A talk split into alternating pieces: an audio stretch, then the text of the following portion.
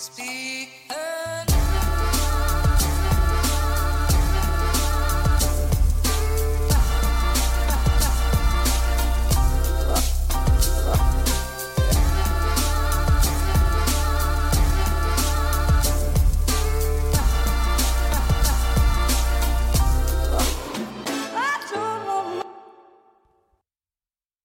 dag og velkommen hit til Klagemuren. Det er Ja, hva er det i dag, Kevin? Det er vel tirsdag den 19. oktober, og klokka mi er 12.53.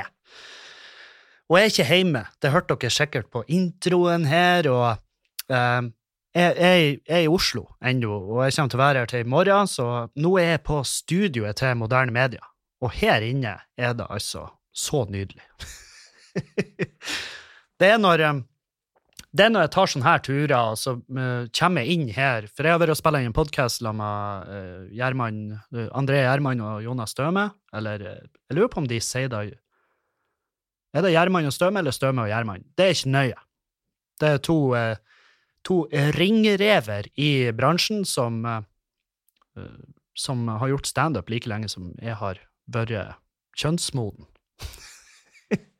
og to veldig artige karer som jeg har fått lov å gjeste podkasten til. Og da er vi på Moderne Mediehuset. Og her er ikke så ofte her som jeg kanskje skulle ønske jeg var, fordi at her inne har de masse studio, og de har superproft utstyr, og de har folk som jobber her som, som på, på, på, ekte liker jobben sin. Så når man kommer inn, så blir man bare inn i helvete ivaretatt, og de er sånn ja, du må jo komme innom oftere, og du må bare si fra når du trenger å låne studio, og jeg bare kan jeg låne studio i dag? Ja, la meg sjekke! og det fikk jeg. Og her sitter jeg. Og uh, poenget er at jeg får bare bekrefta hvor uh, Først blir jeg jo veldig usikker. Er produktet mitt bra nok til å i det hele tatt være her inne? Har jeg fortjent det her? Og så videre. Jeg blir veldig sånn der. Uh, veldig ofte blir jeg sånn at Å, nei, nå er du utakknemlig, Kevin. Du er en utakknemlig kuksuger fordi at du, du vet ikke hvor godt du har det. Og det på ekte sant. Av og til så vet jeg bare ikke hvor godt jeg har det. Og det er ikke bare med det her at jeg, at jeg får lov å jobbe med det, podcastinga og standupen, men det er også alt. Altså, det blir jo satt i perspektiv gang på gang eh, hvor privilegert man egentlig er når man tror at eh, livet er bare et sand, sannferdig jævla helvete. Så eh, vi hadde en fin podkast, prata litt om helga, prata litt om eh, ditt og datt, og prate om hengerlappen. Altså det, det, er så artig hvordan når man havner i studio med andre komikere, hvor jævla fort det bare eh, Hva enn slags planer man hadde for å snakke om noe, så bare Det, det er bare rett ut vinduet. Alt av, alt av outlines, alt av manus, alt er bare ubrukelig. Uh, men jeg tror det ble en fin pod, så det får dere gi tilbakemelding på. Den, uh, den blir jeg vel å legge ut offentlig, for det blir vel de òg å gjøre, så da kan jeg like gjerne gjøre det sjøl. Uh, nei, jeg har nå vært, vært, på veien siden denne tida i forrige uke. Det har vært ei uh, Altså, det, det, har gått bra. Det har gått veldig fint. Jeg har eh, oppført meg, jeg har ikke drukket for mye. Jeg er veldig fornøyd med min egen innsats på denne turen. Og jeg føler meg i veldig god form. Jeg har vært flink, og jeg har trena. Hør på det her. Hæ?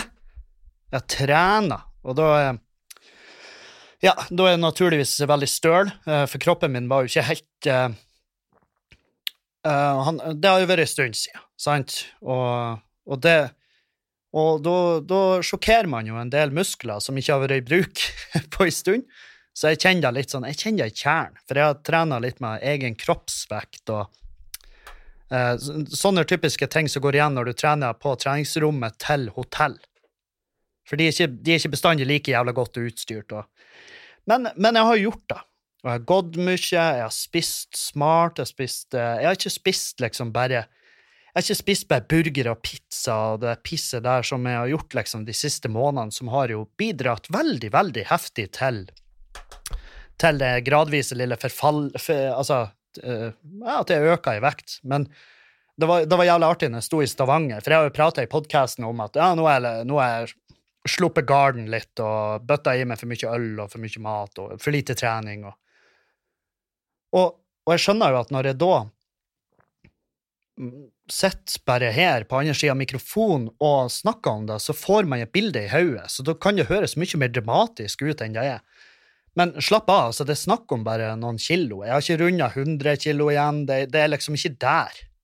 Um, jeg bare vet at jeg kjenner igjen tegnene. At hvis jeg ikke tar tak i det her nå, hvis jeg ikke luker det her bedet tidlig, så kommer det til å gro over. Og da, da snakker vi liksom ekte. Og hvis det er noe som er Hva det var som sa det? det en, jeg, vet, jeg, lurer på om det var en komiker, så jeg burde vel egentlig ta det fra før av med en klype salt. Men, men, det ga bare mening når, når han sa det, at um, det du må huske på, er at det er, altså det, er mye, det er, mye, verre for kroppen å uh, gå opp og ned i vekt sånn. Det er mye verre for kroppen og helsa og psyken enn hvis du bare var feit. og, eh, og, det, og, av en eller annen grunn så stoler jeg på det. Jeg bare, jeg bare går ut ifra at det er sant, det han sier der. Uh, og, jo, og, hvis man har gått ned i vekt, så er det jo Det, jo, det gjør man jo for å, for å, bli lettere, og da burde man egentlig gjøre det man kan for å holde seg der. Men jeg har bare i siste uh, Nei, jeg må, jeg ta, ta, må ta tak i ting. og så og så kan jeg ikke bruke det som en unnskyldning når jeg er på veien. For hvis du skal ut på veien i ei uke, så må du Ja, du må få gjort de dagligdagse. Du må få gjort ting på veien. Du må få Jeg må få svare på mailer, jeg må designe Facebook-bannere, jeg må slippe events, jeg må betale regninger. Jeg må gjøre det der på veien. Jeg kan ikke bare si Jeg kan ikke gjemme bak at Når jeg er ute og reiser, så du må prate med den og den. Ja, men du er jo ute og reiser hele tida. Det er det eneste du gjør. Hva du snakker om? Skal du bruke da, da som unnskyldning til å bare slippe eh, ballen helt på hjemmebasis? Det er jo det dummeste jeg har hørt. Det er sånn, ja, pappa, og pappa, og pappa er veldig glad i dere, og, men no, pappa kan ikke prate så mye. Og pappa er på veien. Ja, men du har nå for faen telefon. Og jeg begynte å prate. Jeg, hør på det her. Eh, et eller annet har skjedd i koronatida. Altså, og Julianne har en veldig, veldig god teori på det, som som jeg også kjøper. Og det merker jeg. Jeg kjøper teorier hvis folk er bare flinke nok til å få det til å høres rett ut. Og det, er der, og det er derfor jeg prøver å holde meg unna politikk, og jeg ikke burde høre på konspirasjonsteorier, fordi at jeg kjøper alt sånn her rått. Men før koronaen, når jeg var ute og reiste, jeg kunne være borte i fem dager, og det var bare ei og anna melding til Julianne. Og det var ikke da at jeg ikke savna henne, men vi hadde liksom ikke det psykoe behovet for å eh, til enhver tid på en måte høre ifra hverandre.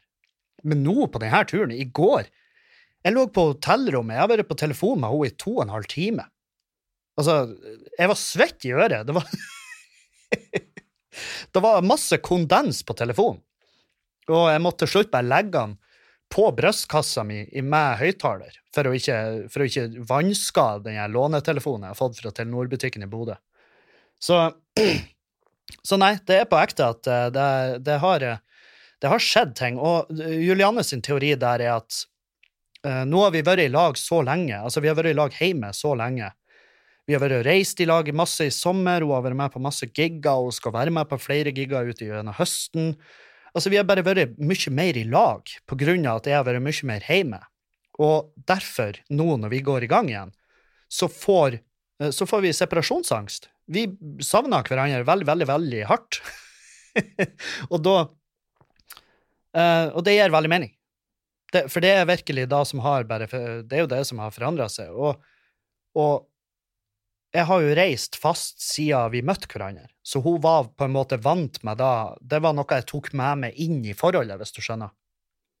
Så det var normalen. Og så ble det, så ble det fra, tatt ifra oss, så var ikke det normalen lenger. Og nå har vi vent oss på at hver dag hun kommer fra jobb, så er jeg hjemme. Og da ja, og da er det noe middag på gang, og liksom, og vi legger oss i lag, og vi ligger på sofaen, og vi har oss, og?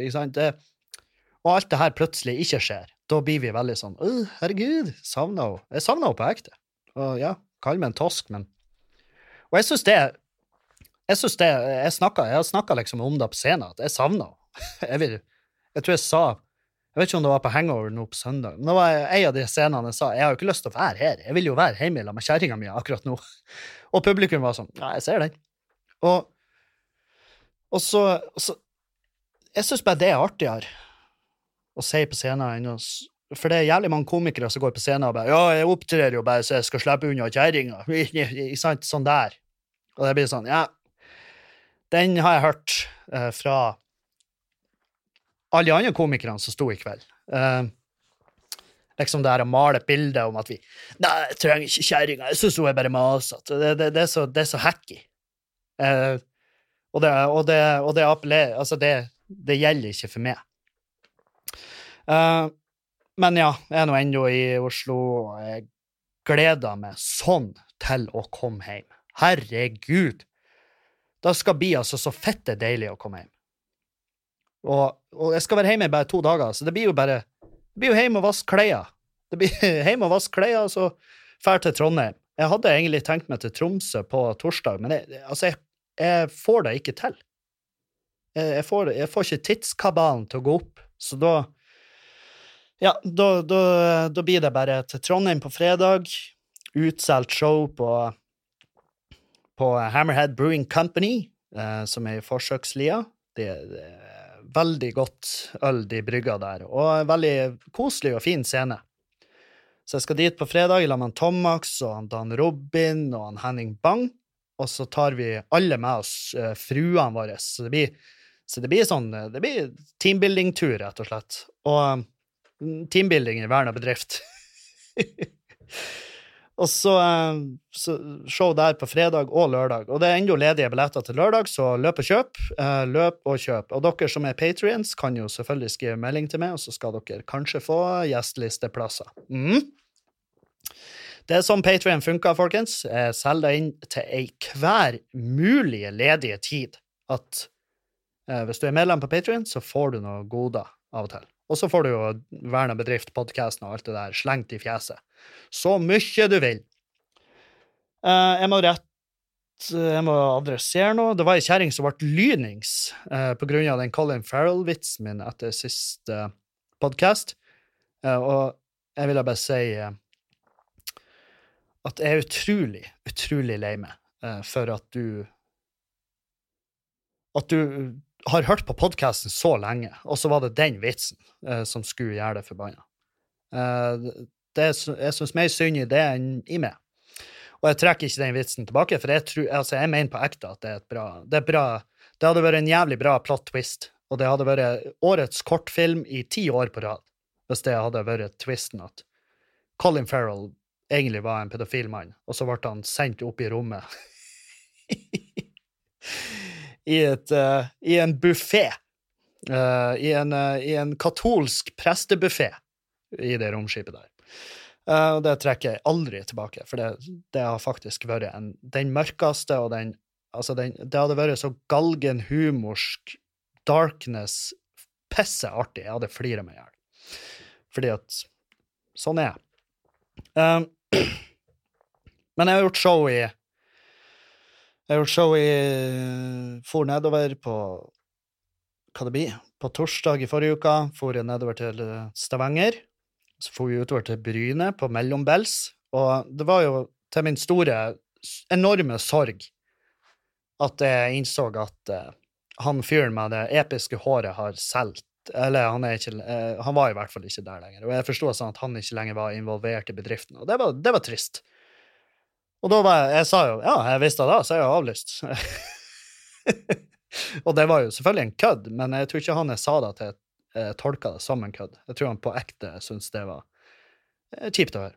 Så ja, jeg har jo av og til de her at eh, jeg har jo av og til de her greiene som gjør at jeg, jeg åpenbart ikke vær, burde være ute blant folk, fordi at det er en ting er at jeg sier ting som gjerne folk uh, kan bli irritert for, men også har jeg en fæl vane om å glemme å rette opp etterpå. Jeg glemmer å rette opp. Sånn nå, nå på søndag, for eksempel, så sitter jeg og prater med en Dag Sørås etter uh, Hangover-showet, og så kommer det en fyr uh, og vil ha kontakt med meg, men jeg og Dag er så dypt i den praten, og er ganske, vi er begge ganske sausa. Uh, så vi legger ikke merke til han fyren som bare står på sida og tripper og spenner en småstein. Og så ender det med at han tar tak i skjegget mitt, han fyren, og, og på en måte drar hodet mitt i hans retning for å få øyekontakt. Men jeg har jo en jeg har jo megakomplekser for at folk skal komme med de kalde, klamme Altså, jeg kjenner hvor kald og jeg kjenner hvor svett den handa var. Og den lukta salt. Lukta havsalt. Jeg tror jeg sto i fjæra, liksom. Og kommer det der lanken opp i trynet mitt og tar tak i skjegget mitt, som er en del av kroppen min, og så drar meg av gårde. Jeg, jeg reagerer jo sånn som jeg uh, På grunn av uh, Ja, jeg reagerer jo sånn som man gjør etter man har drukket fire gin og en ratse. Så jeg judochoppa jo den handa. Sant? Jeg bare Ja! Og så bare smekka jeg den handa rett av. Ned. Og jeg bare Hva faen?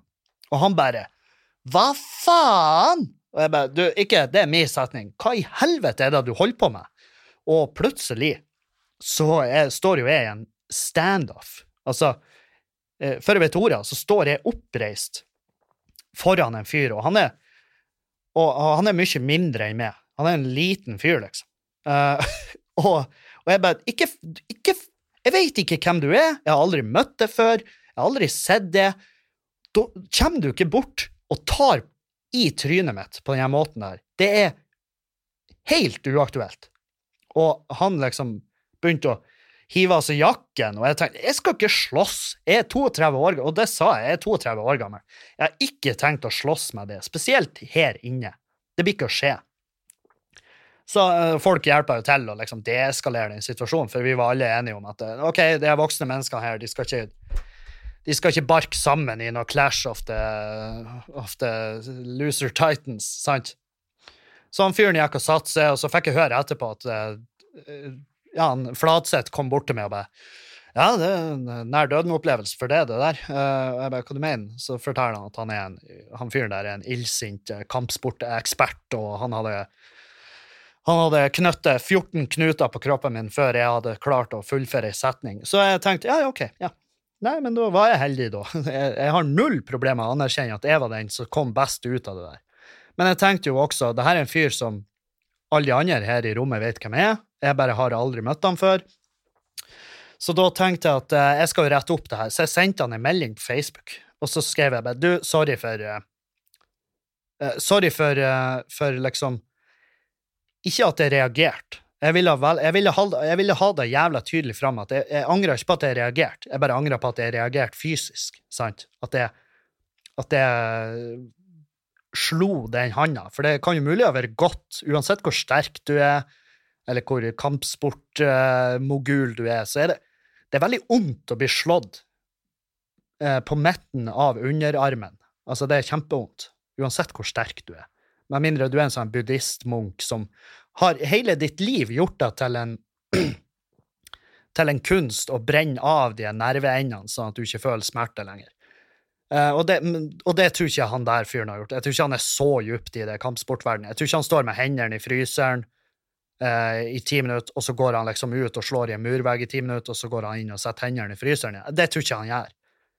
Jeg, jeg, jeg kan tro på at han er flink uh, og bryter og har chokeholds og han var kompakt og liten, så jeg tippa det er bryting som er hans greie. Jeg tror ikke det er capoeira. Jeg tror ikke han er han Eddie eller hva faen fra Tekken. Det tror jeg ikke. Men det hadde vært jævlig artig hvis, hvis en eh, hvis jeg hadde på ekte liksom, altså det her er eskalert, og vi har havna i bråk, så hadde jeg jeg hadde mest sannsynlig flira meg i hjel og fått juling hvis han hadde begynt å breakdanse som som capoeira-dans. eh, for han var jo Jeg tipper han er en 67 høy, sant? Så det hadde, det hadde jeg Jeg hadde ikke klart å ta det seriøst før, før jeg plutselig sto og spytta tenner ut i handa mi. sant? Da hadde, jeg jo, hadde jeg jo kanskje innsett alvoret, og så jeg begynte å skrike.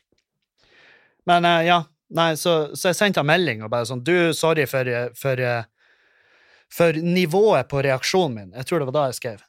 Eh, det sto ikke i stil til det du gjorde, og jeg beklager det. Og det, det er bare en blanding av Blanding av for mye brennevin og et ekstremt hva var jeg skrev, ekstreme komplekser for intimsona mi. Og han fyren åpna meldinga, og så får jeg bare svar uff, intimsone, spørsmålstegn, spørsmålstegn, tusen utropstegn. så skrev han jeg husker ingenting fra i går, og da, tenk, og da flira jeg så jeg, Altså, jeg holdt på å dette av senga på hotellrommet, fordi at da vei, jeg, jeg kan forstå hva i helvete han Altså, han må jo ha tenkt da, hva i svarte satan er det jeg har gjort? Og da sa jeg bare ja, men da kan jeg bare si med en gang at det er ikke, det er ikke så ille som du tror. Jeg skjønner at det her er en horribel melding å få, men eh, du var bare og nevla i skjegget mitt, og jeg reagerte veldig krast og fysisk, og det holdt på å skli ut, men vi var såpass, eh, heldigvis såpass flinke at vi ga faen i det. Og, eh, og, da, eh, og nå, ja, nå er det god stemning der. Så jeg har, jeg har retta opp i det. Og det her er Og det er en greie. Jeg, Uh, jeg har jo sagt masse at jeg bryr meg ikke om hva folk syns om meg. Bruk, jeg koster ikke en kalori, jeg bruker ikke tid på det. Men hvis jeg ikke hadde brydd meg om hva folk syns om meg, så hadde ikke jeg gjort standup. Jeg hadde i hvert fall Jeg hadde i hvert fall ikke sittet her og prata i mikrofonen, altså gjort min egen podkast. Fordi at Altså, det er da, da er du bare fette dum. Da er du bare på ekte, ekte fette dum. Hvis du på ekte tror at eh, at, uh, altså, Hvis du kan si 'Nei, jeg bryr meg ikke om hva folk syns om meg', å ja, hva du gjør da? 'Nei, jeg er motegud'. Mote å ja, ok. Jeg bryr meg ikke om hva folk syns om meg. Ja, hva du er da? Jeg er forfatter. Skriver kun min egen sjølbiografi. Sant? Så Nei, det, det, det, holder bare ikke vann i det hele tatt. Uh, så, så, jeg bryr meg om hva folk syns om meg, og derfor syns jeg det også Og nå i seinere år så har jeg lært meg at hvis jeg har en konflikt gående med noen, så eh, kan det være greit å bare prøve å uh, Bare prøve å få Ja, på en måte landa den, få lagt den i havn, få, uh, få roa den ned, sånn at ikke det er en greie som bare går. For la oss si at han her fyren hadde huska situasjonen, og at han syntes at jeg var en drittsekk, og at jeg hadde slått han, og, og ikke sant? Nå var jo han her fyren en hyggelig fyr, så han hadde null problemer med å slippe det. Men hvis han ikke hadde vært en hyggelig fyr, og han har gått og tenkt på det der, og faen òg, han der jævla dildoen, han slo meg, faen meg, jeg har et blåmerke på handa, og jeg har vondt i underarmen, kjennes ut som jeg har betennelse, det er jævlig vondt, og jeg fikk ikke gjort det igjen. For det, det hadde mest sannsynlig jeg kommet til å tenke. Jeg hadde ikke kommet til å ekte ut på det, men hadde, det hadde kommet til å plage meg. For det, det, er situasjoner den dag i dag, fra barndom og ungdom, hvor jeg tenker faen òg at at jeg at jeg Zidane-skalla fyren. Sant? Så, så, jeg tenkte at det, det, her skal ikke, det her skal ikke få lov å være en, noe som kan komme tilbake og bite meg i ræva uh, seinere, når jeg er i Oslo neste tur, og jeg står liksom bare og henger etter et show og drikker et glass med gin, og så plutselig blir det bare så hører du, plutselig blir det bare svart, og så hører jeg den her pipelyden som kommer igjen etter noen har planta en knyttneve i planeten din. sant? Og så bare Hey, what's good, motherfucker? Husker du meg? Sånn, Å, helvete, var det du jeg judo-choppa handa til? Yes, stemmer det. Det, det, det, var det jeg prøver å unngå. Og så viste det seg at han er en hyggelig fyr, og vi mest sannsynlig blir å ta i øl når vi møtes neste gang. Og så blir vi å prate om hvor teit vi er, for noen drittunger vi er av og til. For det var det, virkelig. Men um, Nei, vi får ned, gjorde, gjorde show på Mellombels på Bryne på torsdag. Helvete, hva jeg rota meg bort. Gjorde showet der. Uh, det var god nok stemning. Helt horribel lyd.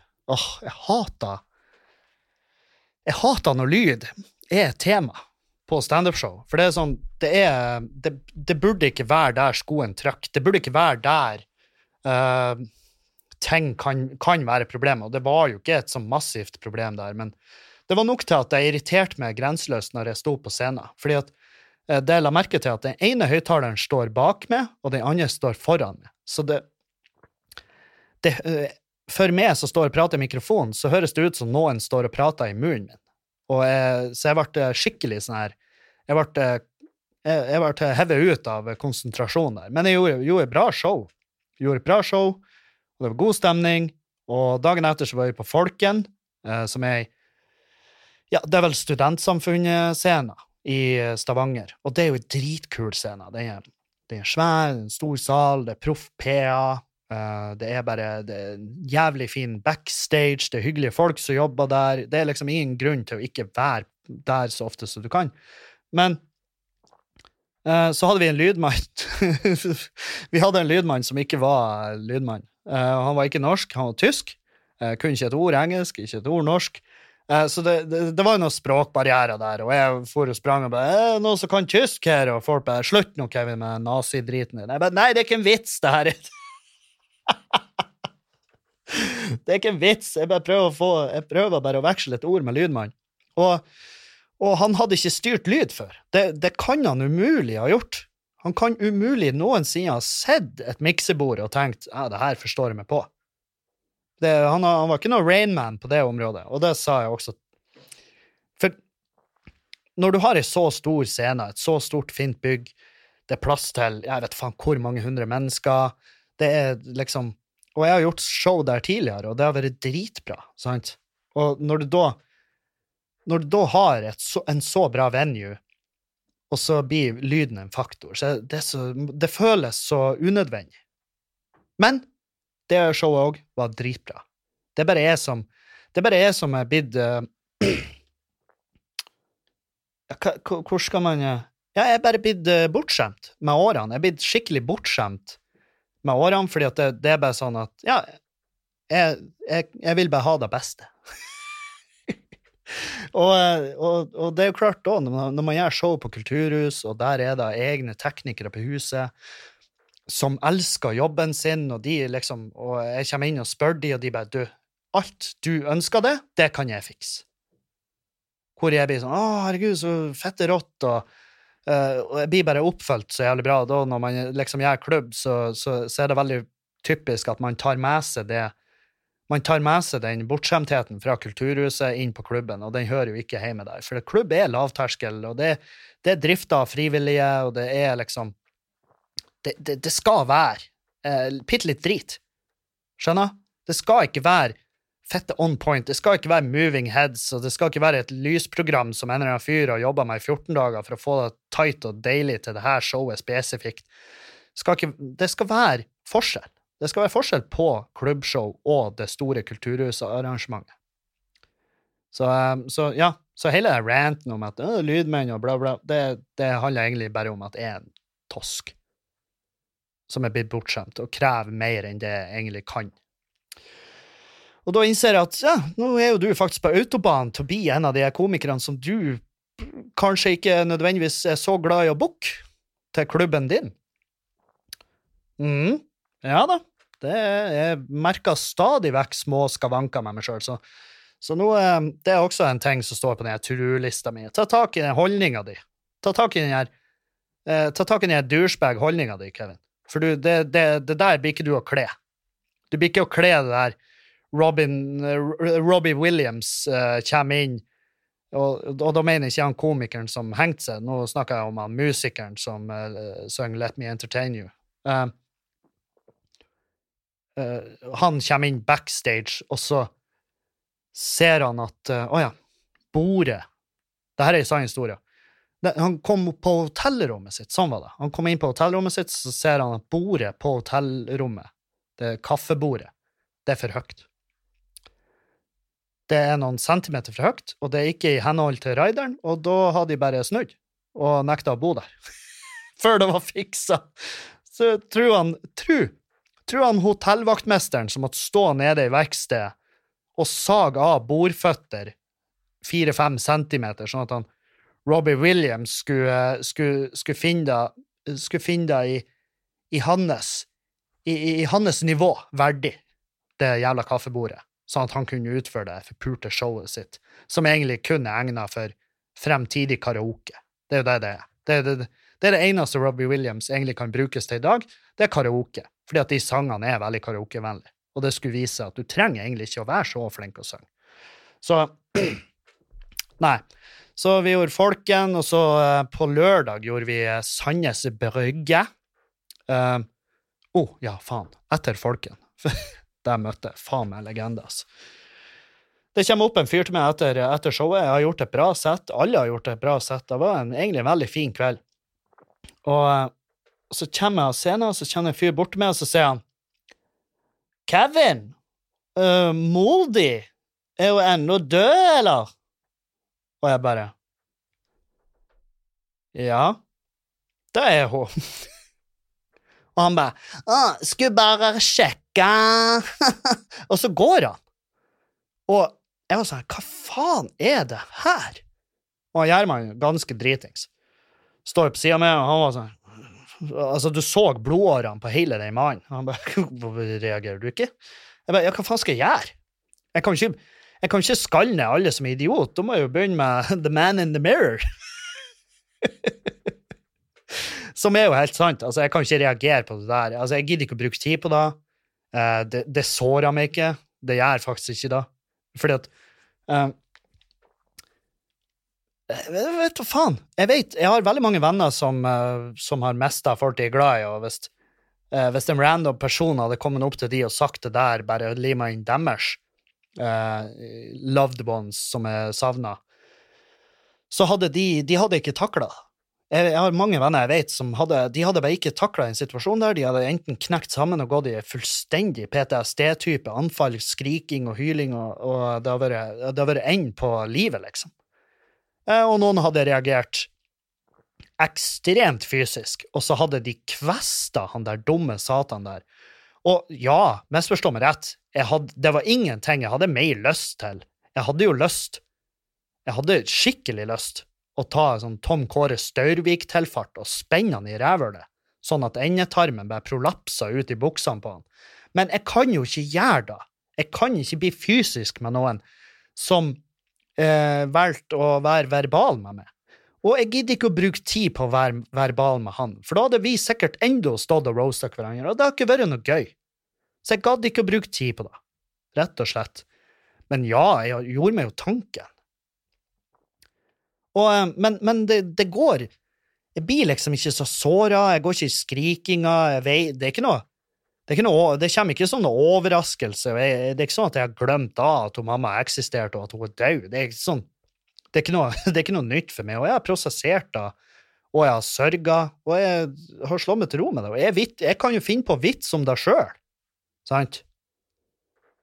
Og riktignok ikke sånn der Ikke så mye at det blir ekkelt, sånn som han Hva heter han der som mista faren sin i uh, I World Trade Center? Han Pete Davidson. Ikke sant? Annenhver vits han gjør, er jo 'Å, pappa daua i World Trade Center'. Og, ja, OK. Pauser der. Sett på pause. Sant? Ja, jeg forstår at det Det er jo eh, Det er jo ganske vilt at han Hva er oddsen for at han, som en såpass profilert komiker, hadde en far som døde i World Trade Center, og så videre? Men Eller ble han komiker på bakgrunn av da? Altså at Eller var det Ja, omformuler den setninga. Eller ble han en kjent komiker på bakgrunn av vitsene han gjorde om at faren døde i World Trade Center? For Pete Davidson er vel egentlig på min alder, tror jeg. Og vi var jo ikke Jeg var jo ikke gamle Snapen i 2021. Nei, i 20, altså i 2000 og, Ja, når fuckings World Trade Center ble angrepet. Jeg husker jeg sto jeg sto og drakk en glasscola som jeg hadde kjøpt for ti kroner, når jeg så de her tårnene dette sammen. Sto drakk en glasscola på Kais gatekjøkken på Halsa, sant? Jeg var ennå der, og jeg husker han Kai så det og bare sånn Helvete, det ser jo ekte ut. Jeg bare, ja, men er det ikke det? Han bare jo, jo, det er jo det, men det, det er rart å se, da. Jeg bare, ja, for så vidt. Um, men, men uh, ja, og, det er klart, det har jo vært med å forme Pete Davidson som den mørke jævelen han er, men jeg syns jeg, jeg, blir lei. For det er liksom annenhver jævla vits. Uh, knock, knock, who's there? Not your dad! Ikke sant, sånn der. Det blir, det blir for billig og for hacky og sånn. Ja, selvfølgelig er det en stor del av livet ditt, men er det det du skal basere karakteren din på? Er det det du skal basere karrieren din på, at du har mista folk du er glad i? Det blir, det blir tungt i lengden å prate om. Så jeg, jeg, jeg vet faen. Jeg er bare herda, jeg er bare hardere, jeg er bare vant til å få uh, de her tingene. At, at, det er derfor jeg ikke reagerer på det. For jeg, på troa, jeg vet på ekte masse folk jeg kjenner som ikke hadde takla den situasjonen der. Og det hadde blitt uendelig mye verre. Uh, ja. Noe som ikke er blitt verre, det er reisekomforten min, fordi at uh, jeg bestilte meg på uh, på firmakortet så bestilte jeg meg sånn douchebag-pakke. Eh, en pakke med liksom en koffert, en svær koffert, fordi at jeg reiser med opptaksutstyr og sånn, i tilfelle jeg skulle få ånd over meg, og jeg har mye klær, spesielt når jeg er borte i uka, sant. Så jeg trengte en stor koffert, og uh, så fikk jeg med, så tok jeg med ryggsekk og litt sånn småbager som skal brukes liksom til teknisk utstyr inni kofferten. Og jeg var altså Jeg har jo masa og masa på de, bare hvor i faen blir det av de greiene, og så hadde de sendt meg sporingsnummer som ikke eksisterer, og jeg, jeg, var sånn Faen, jeg er blitt svindla? Har jeg trykt inn på feil side? Jeg har betalt masse penger til et firma som ikke eksisterer? Hva er greia? Og, og så, på morgenen når jeg skulle reise nedover til Stavanger, så fikk jeg hentemelding. Og jeg ble altså så Jeg var så ekstatisk. Fordi at sånn som jeg har reist til nå, når jeg har så mye ting med meg, så har jeg en bag og en ryggsekk med meg. Og den bagen har jo ikke Det er den eh, det, Og nå blir vi jo litt sånn eh, reisebag-nerd, og det er jo veldig artig at jeg Jeg tror vi er fire podkastere i Norge som snakker veldig mye om hva vi reiser med slags bager. Men vi er, jeg, bare er på ekte interessert i det. Men jeg har jo en, jeg har en bag som jeg fikk anbefalt av en Dag, som er Wandered sin bag.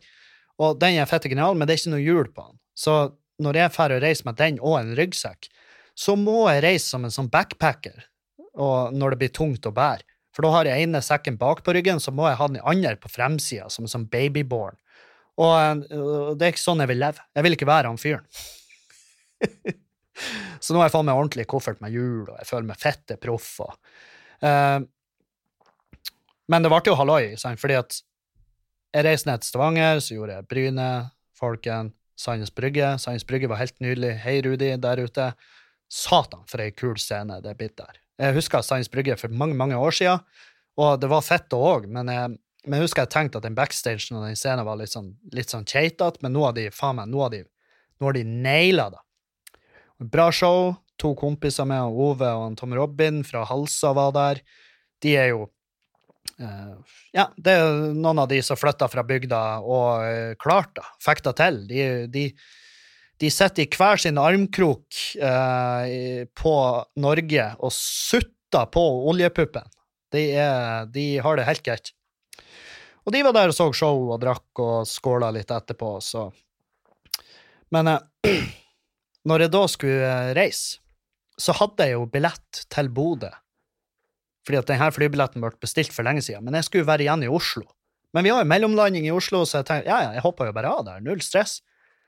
Men den dumme jævelen her, med fire fungerende hjerneceller etter noen harde dager i Stavanger, jeg glemte jo å kansellere den. Altså den mellomlandinga. Jeg glemte jo å fikse det sånn at jeg kunne ta ut bagasjen min i Oslo. Så når jeg landa i Oslo, så altså på Gardermoen, så skjønte jeg at å, oh, fuck trynet mitt. Den kofferten blir jo å dra til Bodø. Den blir jo å dra til Bodø. så da var det jo et helvetes halloi, og jeg måtte opp og ned, og jeg brukte en og en halv time på Gardermoen for å få ut den kofferten, og det skjønner jeg.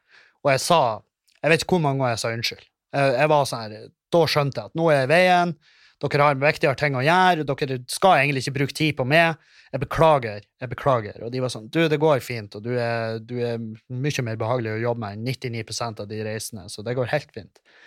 Og, og det tok jeg jo selvfølgelig til meg, og uh, skrev på CV-en at det er en behagelig fyr å ha med her. Um, men ja, nei, det er Det er Hva var det jeg skulle si? Jo, jeg er litt sånn jeg er veldig trøtt. Jeg er veldig eh, begrensa i dag, eh, fordi at jeg har, jeg har sovet lite. Og jeg har, jeg har ikke sovet lite fordi at jeg ikke har fått sove, men jeg måtte jo opp til ei viss tid for å rekke den podkasten sammen med Gjerman og han, eh, og han Støme. Um, men i går kveld så begynte jeg å se på den serien Rus, som, som hele Norges og ja, egentlig hele Europas eh, Leo Ajkic har laga. Eh, den ligger ute på NRK, og jeg, har sett, eh, jeg så to episoder i natt, og jeg kan si altså bare med allerede at det her er Det er en veldig viktig, veldig viktig og ekstremt bra eh, produsert serie. Eh, som og, og, ja, og det blir alle å si, men her, den her hypen den kan jeg hekte meg på, fordi at ja, alle som hører på meg, vet jo at mitt forhold til rus er jo nå i dag mer Altså, det Jeg får mange spørsmål om det, fordi at Og jeg kan jo egentlig bare ta det med en gang. og det er jo veldig i vinden nå, for nå kommer det til å bli snakka mye om rus, og det kommer til å være masse forskjellige meninger. Og rett ut og bare Jeg har jo hatt problemer med rus, sant? Jeg har problemperioder med rus eh, hvor, eh, hvor det har vært sånn at hadde ikke jeg gått på den smellen jeg gikk på, hadde ikke jeg overdoser og eh, det gikk bra, så hadde jeg mest sannsynlig vært en uh, rusmisbruker i dag. Og um, Mens nå i dag har jeg et For det første så har jeg ikke et forhold til de rusmidlene som er brukt på den tida. Uh, amfetamin kan ikke falle meg inn og ta i dag. Det, det, det frister ikke. Jeg har fått det tilbud mange, mange ganger siden, og jeg har takka bare blankt nei og bare du, det der er ikke min det er ikke, det er ikke min kopp uh, nesepils uh, lenger.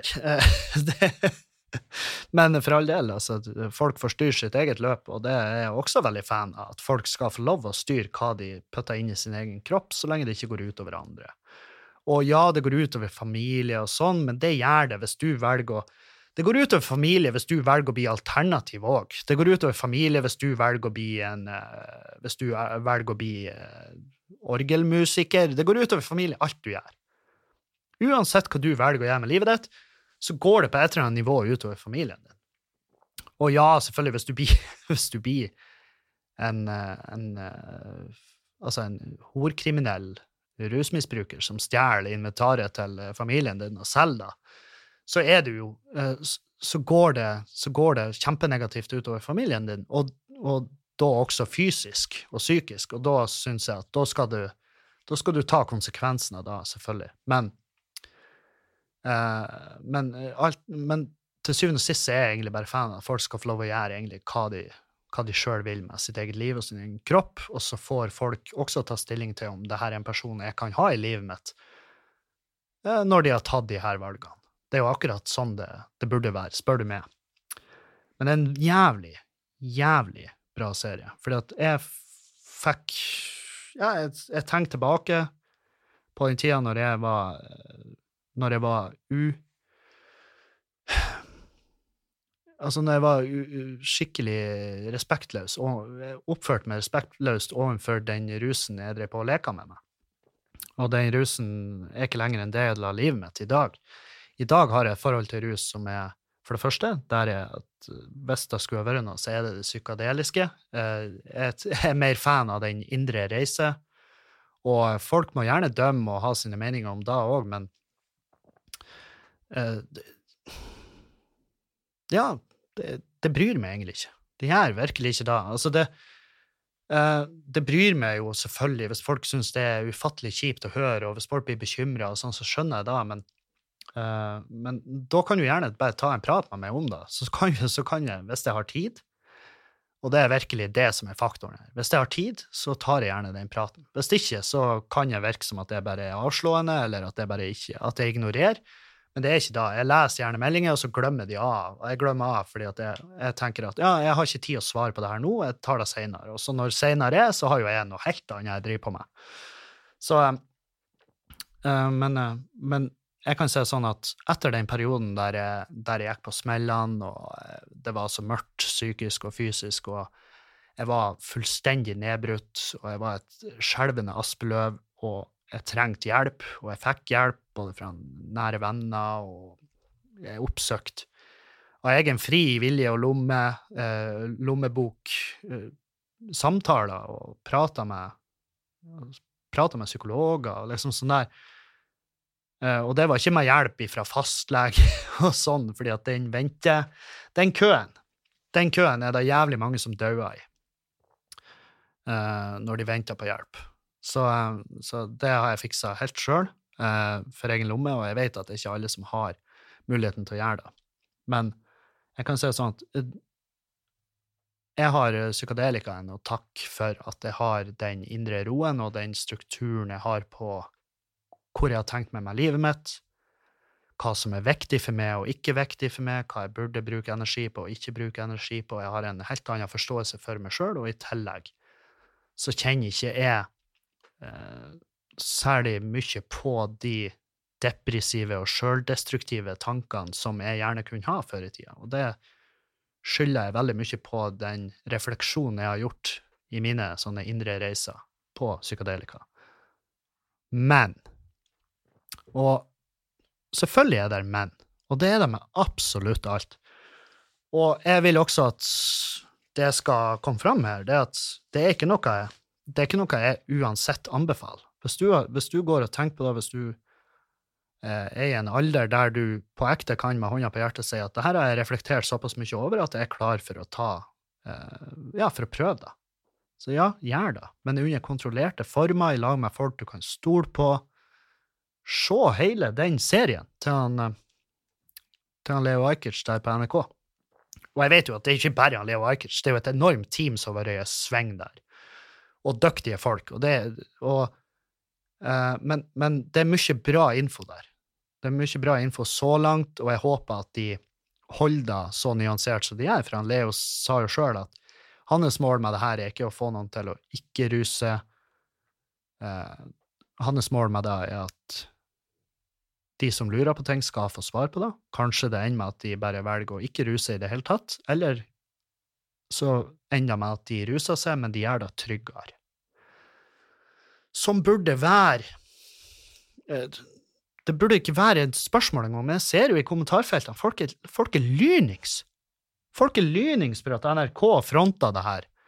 Lynings for at NRK viser de festene hvor russen har med seg cola og MDMA, og de snorta det av et serveringsbrett i en millionvilla i Bergen. Og det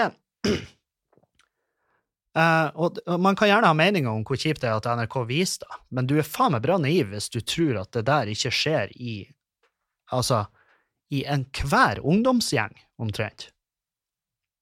Sant? Så alt annet, det å ikke sette lys på det, ville vært egentlig bare å leve i et sjølvalgt mørke, altså ignorance is bliss og alt det der pisset der. At du velger å se en annen vei, at ut av syne, ut av sinn. Og det er ikke sånn du kan det, det, er sånn du går, det er ikke sånn du tar stilling til denne problematikken. Fordi at, og det var jo det Elon, Elon Musk sa, han fikk spørsmål nå på en sånn her uh, på en sånn her konferanse, det var sånn Q&A, og så var det en fyr som spurte han hva, hva er ditt syn, og hva er din holdning til psykadelika? Og Elon sa at jeg syns at folk uh, burde generelt bare bli mer åpen for det. Uh, åpen for, mer åpen for å erfare det, men også mer åpen for å bare akseptere at andre gjør det, og at, det, og at de er fortsatt fungerende mennesker. Det er folk som drar på jobb, det er folk som har unger, det er folk som Uansett, de fungerer i det daglige.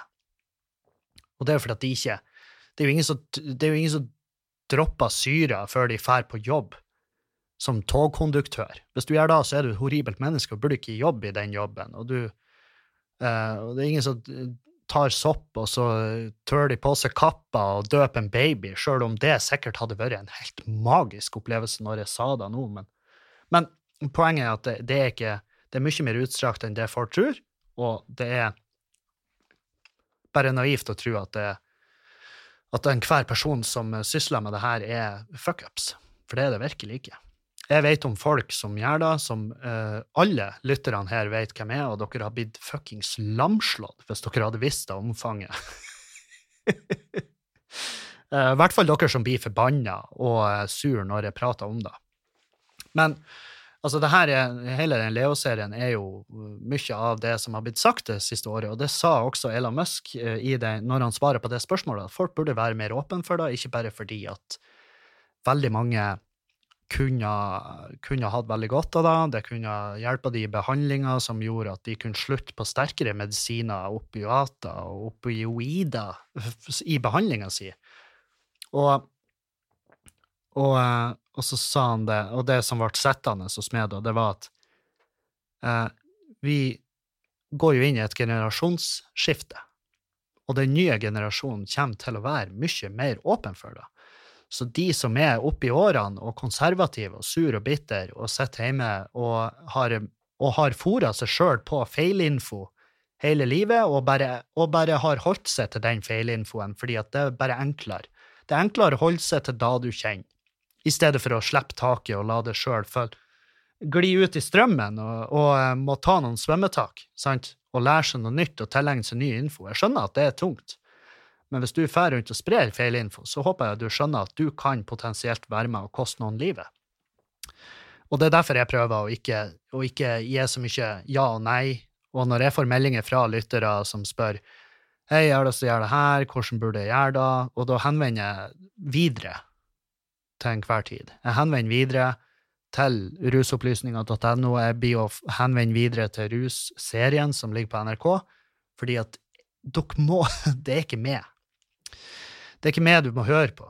Eh, det er, det er de virkelige fagfolkene, de som har peiling, og de som har reist i årevis. Og jeg er fortsatt en uhøvelig nykommer i det faget sjøl, så, så, det er derfor jeg prøver å være litt forsiktig. Og jeg vil, ikke, jeg vil ikke ta sjansen på at jeg som er utdanna tømrer, skal hjelpe noen med hva nå enn det skulle være, og så går det galt. For det gjør det. Det kan gå galt, og det kan gå til helvete. Og som regel så går det til helvete fordi at enten A, du vet ikke hva det er du får i det, eller B, du har ikke respekt for det du tar. Så Nei, så jeg vil, jeg vil at uh, folk skal se den serien, gi det en sjanse, og så er det også det her Egentlig bare det å få åpna øynene for at det er mye større enn det mange tror. Det er mye større enn det mange tror, og med det nye generasjonsskiftet så etter hvert kommer vi til å se en endring i holdninger til det, og legaliseringa, eller egentlig avkriminaliseringa i første omgang. Men legalisering kommer til å bli et, et, eh, ja, det kommer til å bli et veldig hett tema her i Norge. Men Norge har jo aldri vært Norge har aldri vært frempå eh, når det gjelder de her tingene. Og jeg er veldig redd for at Norge kommer til å være en av de siste som forstår at måten vi gjør det på nå, er egentlig bare Altså, det koster mer liv enn det berger. Så eh, ja, det er noe synd. Men jeg skal ikke, skal ikke spille inn en hel episode om den rusdebatten. Men det, det, det, er selvfølgelig et tema som må tas opp, spesielt når det er blitt sluppet, denne russerien, og den hypen er enorm, og den kommer bare til å bli større. Og jeg har altså en, jeg har en Ja, jeg har en enorm Jeg har en enorm respekt for Leo Ajkic som som, som får møte de her folkene, og han er og, hans, og han fremstår ikke som en dømmende fyr. Og han sier det jo mange ganger sjøl, men jeg har hørt jævlig mange folk si 'jeg dømmer ikke', og så gjør de det to sekunder etterpå. uh, men ja, uh, det, jeg syns det er artig sånn som han prater om fornuft og alt det der. Det, det er liksom det eneste tingen som, som, jeg, som jeg, har stussa litt på der, det er jo at ja, Han sier alle de tingene han gjør, men samtidig så representerer han jo Han representerer jo kamelen som Altså, i første episode så besøker han en fyr som ble eh, som eh, pådro seg en hjerneskade etter et fall i fylla. Og jeg tenkte, når han besøkte han fyren hjemme i, i den kommunale leiligheta der og Han klarer seg veldig fint i dag og er veldig lykkelig og en gladlaks og alt det der, men jeg tenkte sånn Det der kunne jo like gjerne vært han fyren som kamelen slo ned med en brustein fordi han kjeda seg. Så, så det, det, ingen er jo fette perfekt, men, men, eh, men eh, desto mer. Altså det, er en, det, er bare en jævlig viktig serie, og det er så fette på tide. fordi at jeg husker bare de rus videoene som vi så på barne- og ungdomsskoler, det er jo, altså, det, er jo det, er det mest sinnssyke. Å se tilbake og tenke på det. At, folk, at, altså at noen på ekte har laga det, er jo bare en skandale. Og at den ble vist så seint som da, jeg vet ikke, de viser den sikkert ennå. Hvor det er bare Det er egentlig bare 40 minutter med rein jævla fuckings løgn. Og det er ikke Det er ikke rette måten å gjøre det på.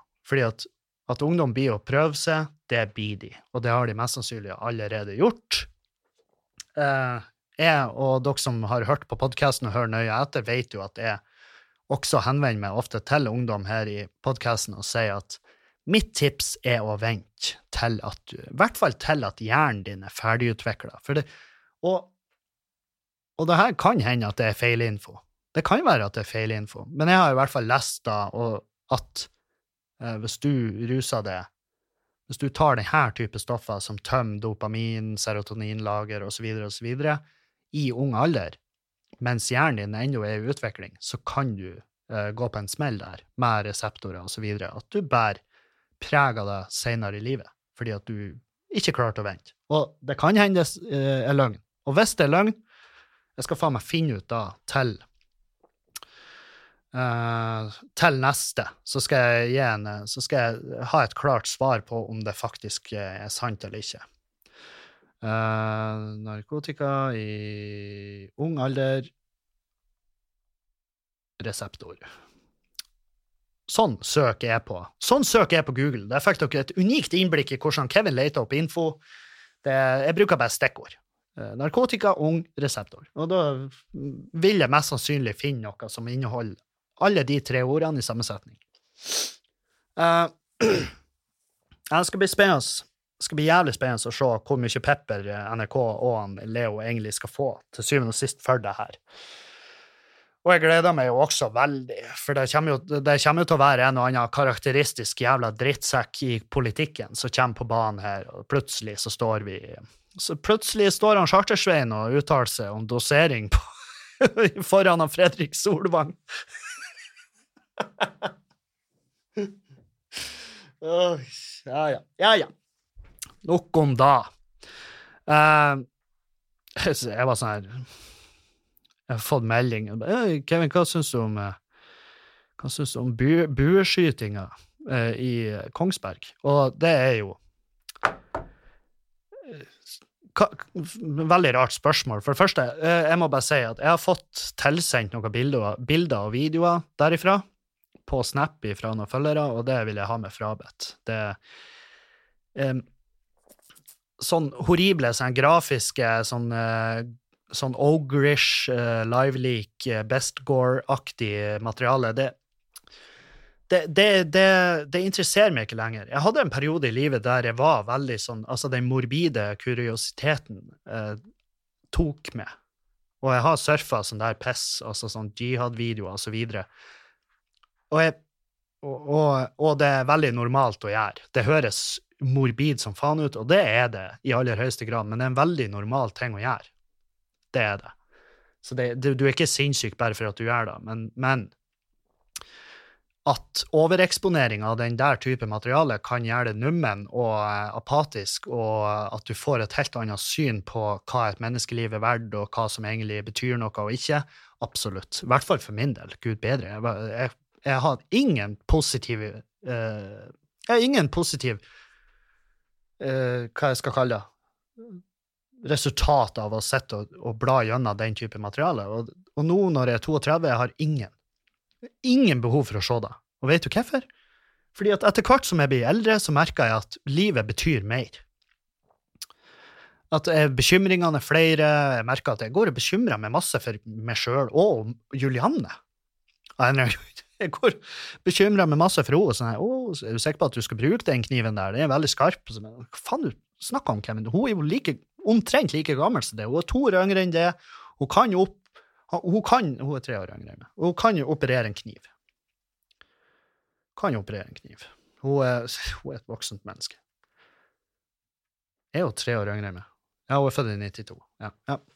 Um, Nei, men så, så, ja, jeg vil ha meg frabedt. Ikke send meg de jævla videoene og bildene fra det der. Det har jeg ingen, ingenting til å overspørre.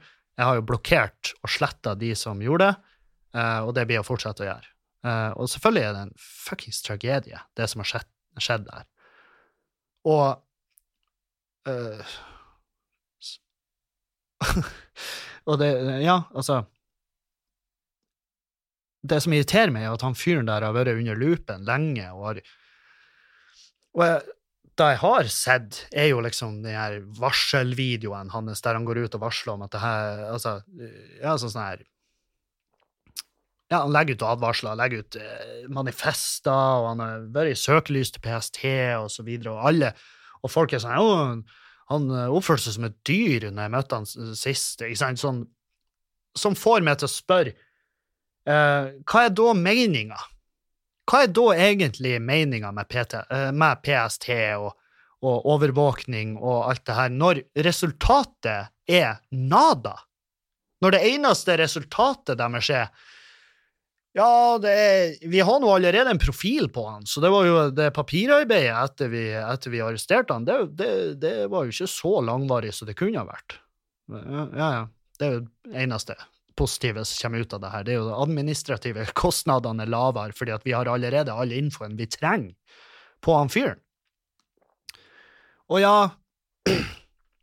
hva er egentlig rett hvis de, han har lagt ut eh, videoer og advarsler og er aktiv i radikaliserte forum og har konvertert til islam, som i mine øyne egentlig ikke har noe særlig å si, uh, fordi at jeg tror han her fyren hadde kommet til å tilta og gjort noe garnskap.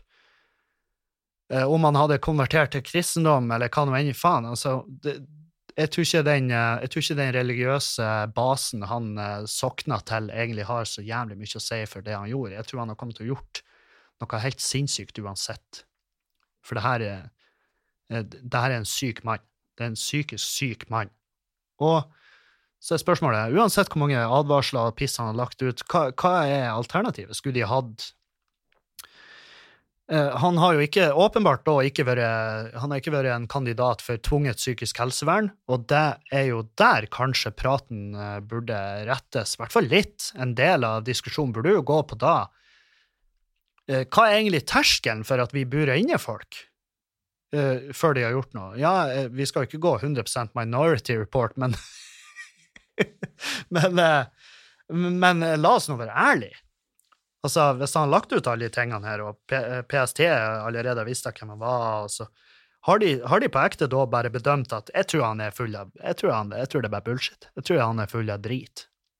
Og så går han fette middelaldersk løs som en berserker med, ja, med middelaldervåpen, pil og bue i Kongsberg, som er den mest høyteknologiske våpenbyen i hele verden. Um, og helt jævlig. Helt jævlig å høre. Folk som er og handler på Kiwien, skal, skal få bli offer for det her når det her er en person som har vært og var under loopen. Men hva er alternativet? Skulle de hatt en 24 timers døgnbemanna team bare på han fyren. Det, det, det, det, går ikke an å løse på den måten der. Men jeg syns jo at hvis du legger ut en sånn manifest-video-aktig, så syns jeg at det i seg sjøl burde egentlig være nok til at ja, OK, du uh, at, at, at, vi tar han i hvert fall inn for en liten checkup, en observering. Tar, lar noen fagfolk prate med han i ti minutter, bare for å se om Er det her en fyr som vi tror kan tilte, til syvende og sist? Men la oss si de gjør det, da. Tar han inn, og bare 'Du har lagt ut noe ganske heftig skitt her', og han bare 'Ja, men det er bare kødd, jeg lover dere'. Jeg, jeg, jeg bare kjeder meg. Jeg er en del av incel-forum, og jeg, eh, jeg har konvertert til islam, men jeg tror egentlig ikke på noe. Jeg bare gjorde det for å få tilgang til de forumene der uh, likesinnede gærninger er. sant? Enn hvis de har kalt han inn, og han har sagt alt det her, og så har psykiateren vært sånn Nei, han er ikke gæren. Han er bare han, Som han sier, han mangler tilhørighet, han mangler miljø. Og da har han uh, gjort de grepene han må for å kunne være i et miljø. Og så, og så er PST sånn Ja, OK, nei, men da kutter vi han løs, da. Og så uka etter så har han vært og planta piler i folk på dagligvarebutikken. sant?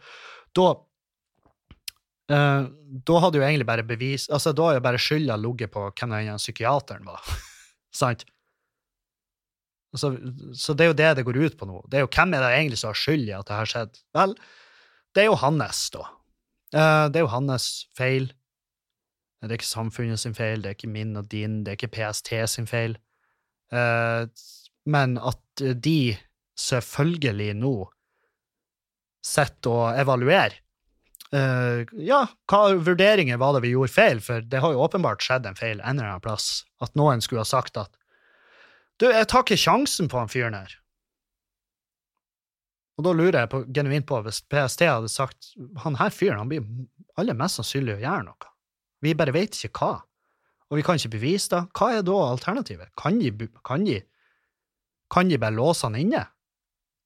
I forvaring og bruke det som et argument at de at de Ja, vi har, vi har samfunnets og det, det norske folks uh, helse og interesser i, i tankene når vi låser inn han fyren her. Hadde vi, hadde vi som folk kommet til å akseptere det? At de bare kan ta en sånn råsjanse? Det, det her er genuint ting jeg lurer på oppi det her. Det er det. Og da lurer jeg også på at hva, hvis, hvis ikke han her fyren det, her, er hvor, her er hvor jævla fordomsfull jeg er. Altså, I det sekundet jeg så det bildet av han, så, så tenkte jeg ja, ja, den ser jeg. Det, det, det, ser ut som en av de som kunne ha funnet på å gjort det her, ja. Og, og eh, ja, men hvordan i faen skulle man vite det? da? Det er klart, Men han her fyren, når de har intervjua folk som har møtt han tidligere, så har de jo sagt at han var fette gæren. Han knurra til meg. Jeg tror det var da jeg Bertha sa han knurra til meg som en hund. Um, hvor jeg da tenker ja, det er noen tegn. Uh, men så har de jo intervjua folk som uh, hengt og prata med Anders Behring Breivik før angrepene, hvor de var sånn han var klept seg hos meg og virka høflig. Han er jo litt rar, og det har han bestandig vært. Litt sånn smårar, og bla, bla.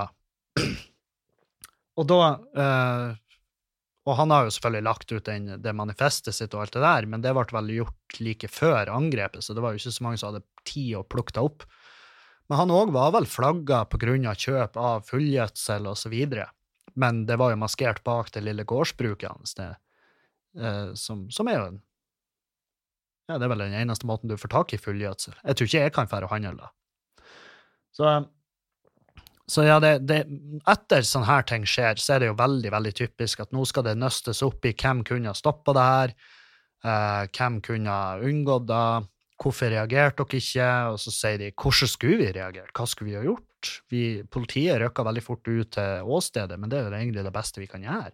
Vi kan ikke ha et døgnbemanna team på enhver jævel som er gæren i hodet da må, vi, altså, da må vi i så fall sette i interneringsleir, og det er jo ikke nødvendigvis en smart ting å gjøre. Og det er vel ikke nødvendigvis en ting som kommer til å bli godt mottatt av uh, verken folket eller internasjonalt, hvis vi hadde begynt med den slags. Så man er jo, man er jo bare fanga i en sånn limbo hvor jeg føler at uh, hvor, Ja, tanken er her med at ja, det, det funka ikke det systemet som skal fange opp de her. Og selvfølgelig gjør det ikke det, for det er jeg, jeg anser det som noe som må være nærmest en umulig oppgave. Og det er jo også fordi at jeg forstår ikke mekanismene bak det. Så, så ja, det, det, er bare en ren jævla tragedie. Selvfølgelig er det det. Og ja. Nei, så jeg skal ikke jeg skal ikke gå noe mer inn på det. Nei, skal du, oh ja, skal du ikke da, Kevin? Du har jo ikke bare brukt allerede en halvtime på å bare diskutere akkurat, akkurat da.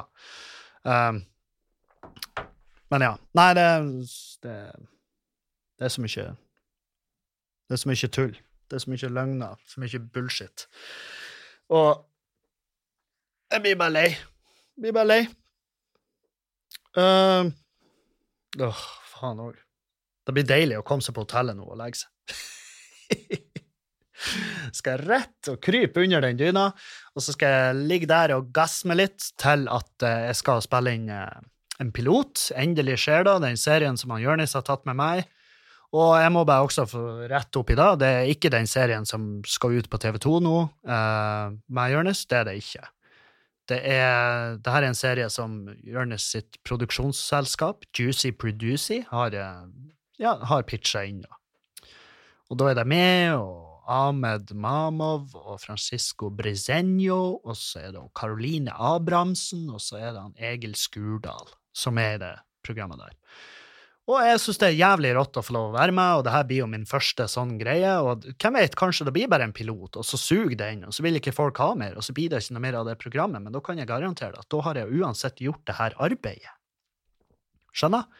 Jeg har gjort det arbeidet, og jeg er dritfornøyd og jeg er veldig glad for at jeg har fått være med på det, og jeg har fått vist meg fram. og eh, hvem vet, kanskje jeg får bekrefta i dag at det her er noe jeg ikke har lyst til å gjøre. Eller kanskje jeg får bekrefta i dag at faen, det her har jeg lyst til å gjøre mer. Så jeg, jeg, jeg, går inn jeg går inn med et åpent sinn og med en uh, glede og uh, Ja, jeg, jeg, tror det kan bli artig. Jeg tror det kan bli et artig program. Og jeg håper jeg har rett, for gud bedre hvis det der blir. Da, men da skal, fall, da skal jeg i hvert fall være den uh, da skal jeg innrømme det. Så Men jeg, jeg skal reise hjem i morgen, og så skal jeg bare vaske klærne, og så er det Trondheim som står for turen. Så hvis dere har lyst til å komme og se med Dan Robin, Tomax Beats og Henning Bang på scenen, ikke samtidig, vi går hver for oss. Eh, Hvis dere vil se oss eh, på lørdag, så er det ennå ledige billetter til Hammerhead Brewing Company, der vi skal ha showet. Eh, Kjøp billetter på forhånd. Kom, kom, kom. Jeg gleder meg. På den noten skal jeg faktisk avslutte dagens episode. Den ble jo rimelig lang òg, det var jo egentlig ikke så verst. Jeg er ganske fornøyd. Og veldig fornøyd med at jeg fikk spille inn på denne turen her. For at, hadde, jeg, hadde jeg tenkt å, jeg tar det i morgen, så jeg tatt med meg hjem utstyr og jeg, hadde, jeg, jeg kommer mest sannsynlig til å være veldig sliten når jeg kommer hjem og legger meg på sofaen i morgen. Jeg hadde ikke kommet til å spille inn en podkast. Og så kommer torsdagen.